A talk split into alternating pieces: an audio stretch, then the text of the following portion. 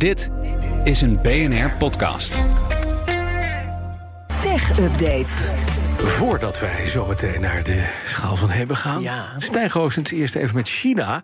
Want dat komt met strenge regels voor de gaming-industrie. Betekent nog wat voor, eh, voor Tencent. Die Ja. krijgen er last van. En dat zien we op het Damrak terug. Want Prozus, wat een groot, eh, ja, een groot belang heeft in dat, eh, dat Chinese bedrijf, staat inmiddels als grootste daler te boek 15,2% lager op dit moment. En trekt eigenlijk het hele Damrak naar beneden. En Tencent zelf stond toen ik net nog keek 12% inderdaad ook naar beneden. Ja. Ja, die nieuwe regels voor de gaming-industrie eh, gaat eh, vooral eh, om verslaving tegen te gaan natuurlijk.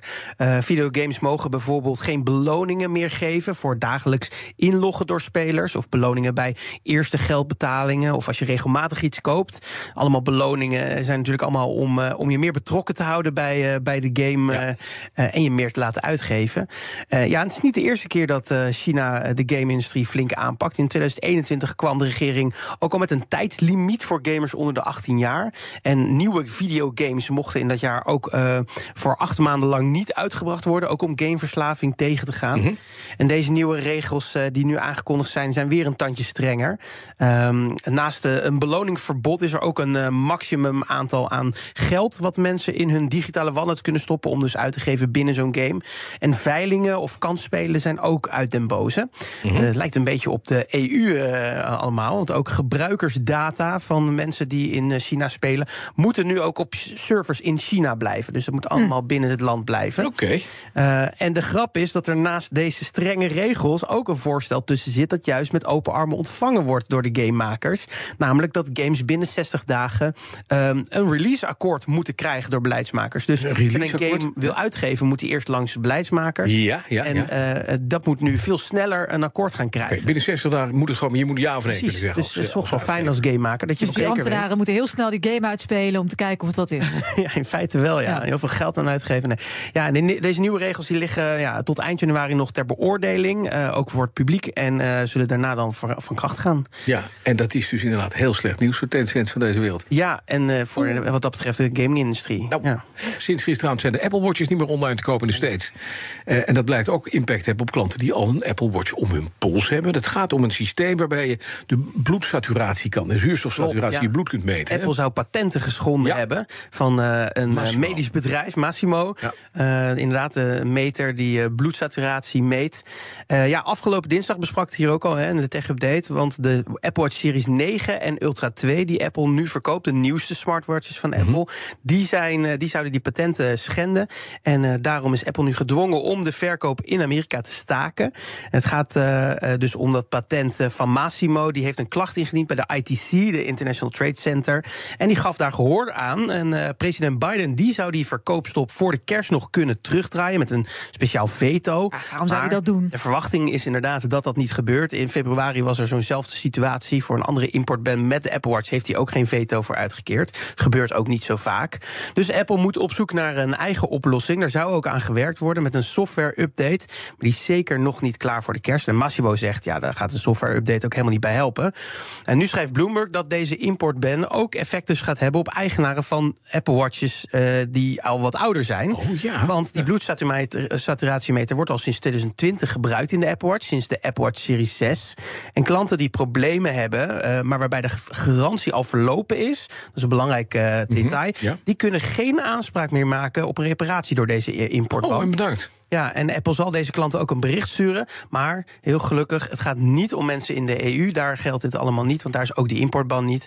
Eh, dus alleen als je in de VS je Apple Watch gekocht hebt, moet je hier zorgen over Maar maken. je kan dus wel zo'n Apple Ultra 2 hier in Nederland kopen nu, met Ja, zeker. Ja. Met Eh, dus, eh, saturatiemeter, dat mag dan Met saturatiemeter. Zeker, ja. Ja, de, want ja. heeft alleen patent in Amerika. Ah, De hacker die vroegtijdig beelden vrijgaf van het schietspel GTA 6... heeft een enorme dauw gekregen. Ja, levenslang, zo zou je kunnen zeggen. Ja. Dat is een straf. Maar dan niet in de bak, maar in een speciale psychiatrische inrichting. Het gaat om de een acht- gekregen dus. Ja, ja, in principe wel. Ja. In, het gaat om de 18-jarige hacker uit eh, Oxford. Die was een belangrijk lid van de hackgroep eh, Lapsus. En eh, die groep is bekend van cyberaanvallen op grote bedrijven... zoals Uber en Nvidia. En dus ook op Rockstar Games, de maker van GTA. En vorig jaar, hackte de tiener eh, eh, Rockstar Games. En daarvoor had hij niet meer nodig dan een Amazon Fire Stick, een soort Chromecast is dat. eh, de, de tv in zijn hotel en een mobiele telefoon. En dan denk je, waarom had hij geen laptop? Nou, die was namelijk al afgepakt voor een eerdere hack die hij gedaan had door de politie. En hij stal daarmee 90 clips van het nieuwe spel GTA 6, dat toen in de maak was en nog steeds in de maak is. En dat was meer dan een jaar voordat die trailer uitkwam deze december. Eh, en die clips die gooide hij uiteindelijk online samen met de broncode. Nee. Eh, en daarvoor, eh, ja, daarvoor heeft hij dus nu deze straf gekregen. Hij is eigenlijk een genie. Hij is een hackgenie. Nou Ja. ja, ja en hij heeft een sterke vorm van autisme, eh, zo blijkt uit de onderzoeken. En eh, daardoor kon hij zelfs niet bij de rechtszaak zijn volgens de dokters. Eh, en volgens eh, een psychiatrisch onderzoek zou de jongen nu nog steeds cybergevaarlijk zijn. Want Hij is, hij is dus ook al eerder gepakt en daarna is hij dus ook weer doorgegaan. En daarom sloot de rechter nu dat hij levenslang in zo'n inrichting moet zitten, tenzij de dokters hem eerder ongevaarlijk inschatten. Ik vind dat best een hele heftige straf. ik ook. Ja, Dat en, en dat er wel bijvoorbeeld de GTA-game zelf er totaal niet minder populair op geworden is. Nee. Dat is gewoon nog steeds, eh, die is misschien nog wel populairder geworden. Maar die Levenslang. Ja. Ja, en dan ben je 18 jaar, hè? Ja, 18. Hij was Ja. 17 toen hij dit deed. Dus dat is best wel eh, Ik, ongelooflijk. eigenlijk sla ik gewoon stijl achterover, moet Ja. ik zeggen, van deze Het straf. is toch wel. eh, poeh. de Hyperloop-droom lijkt voorbij te zijn. Want de Amerikaanse Hyperloop One kapt ermee. Ja, dat is toch gewoon een behoorlijke geldinvestering geweest, die Nou. Hyperloop. Sinds eh, de- nou, dit bedrijf, dan Hyperloop One, eh, is in 2014 opgericht. Sinds die tijd is er 450 miljoen dollar ingestopt. Onder andere door Virgin, dus het bedrijf eh, van Richard Branson. Het was naar aanleiding van die, van die eh, race die Musk eh ontketende. Klopt. hè? Ja, Elon Musk is eigenlijk een beetje de, de geestelijk vader van Ja. de Hyperloop. Die heeft een, eh, een soort competitie opgezet. Er zijn ook Nederlandse bedrijven uit voortgekomen. Exact, ja. Eh, Hard Hyperloop, dat loopt ook nog steeds. Ik heb hem net nog gebeld, eh, de CEO van Hard Hyperloop. Ze zijn bezig met een testtrack in Groningen, dus dat loopt gelukkig nog. Maar waarom stopt die Hyperloop One dan? Ja, eh, nou, eh, het is gewoon eh, niet goed gegaan financieel. Eh, het was eigenlijk een beetje een, eh, geldverslindend monster. Zo zei in ieder geval Carlo van der Weijer op eh, Twitter, op X van Musk. hè. Dus hij is transportexpert eh, bij de TU Eindhoven. Ja. Volgens hem was Hyperloop One gewoon eh, echt een marketingmachine... zonder antwoord op fundamentele technische vragen. Precies, het lost En, er geen probleem op. Nee, en nog even duidelijk, een Hyperloop, hè, dat is dus een soort pot waar je in gaat zitten... die dan razendsnel door een tunnel, door een vacuümtunnel heen schiet. Ja. Zou dus sneller moeten zijn dan een trein zou in 10 natuurlijk. minuten een van vliegtuig eh, Amsterdam naar Groningen moeten kunnen. Ja, 10 precies. Ja, Ja, als en- buizenpost. Ja. Of dit nou ook iets betekent voor de wereldwijde Hyperloop-systemen, eh, dat is nog de vraag. Dus hier in eh, Nederland hebben we nog een aantal bedrijven en studententeams ook die er dus mee bezig zijn. Eh, dus de plannen in Europa liggen er nog, maar in Amerika lijkt het een beetje eh, een eh, vervlogen droom. Dan gaan we naar. De schaal van hebben. Ja, en je hebt het. Ik weet niet, wat is dat nou, bijna joh? schattig, hè? Het is, ik zal hem even openklappen. Ja?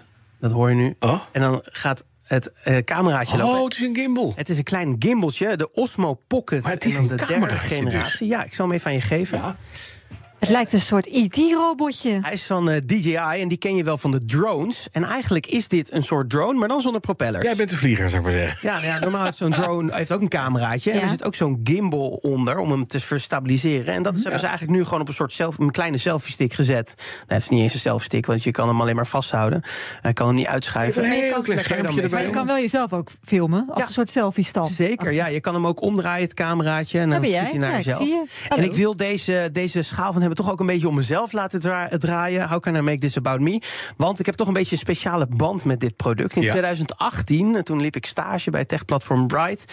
En toen eh, ging ik naar New York voor de lancering van de eerste versie van dit product. En toen mocht ik mijn allereerste review van een techproduct ooit over dit product maken.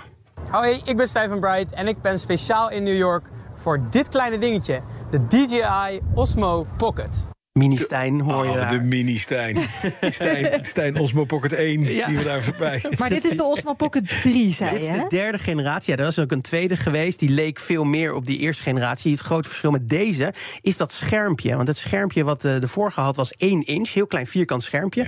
Deze is 2 inch, een verdubbeling. En die kan je draaien. Dus hij kan verticaal en horizontaal. ja, precies. Je kan hem inderdaad gewoon een slagje draaien. Ja. Ja, en als je hem eh, s- slag draait, dan kan die ook uitgaan. Dus je kan hem heel makkelijk snel aan en uitzetten. Ja.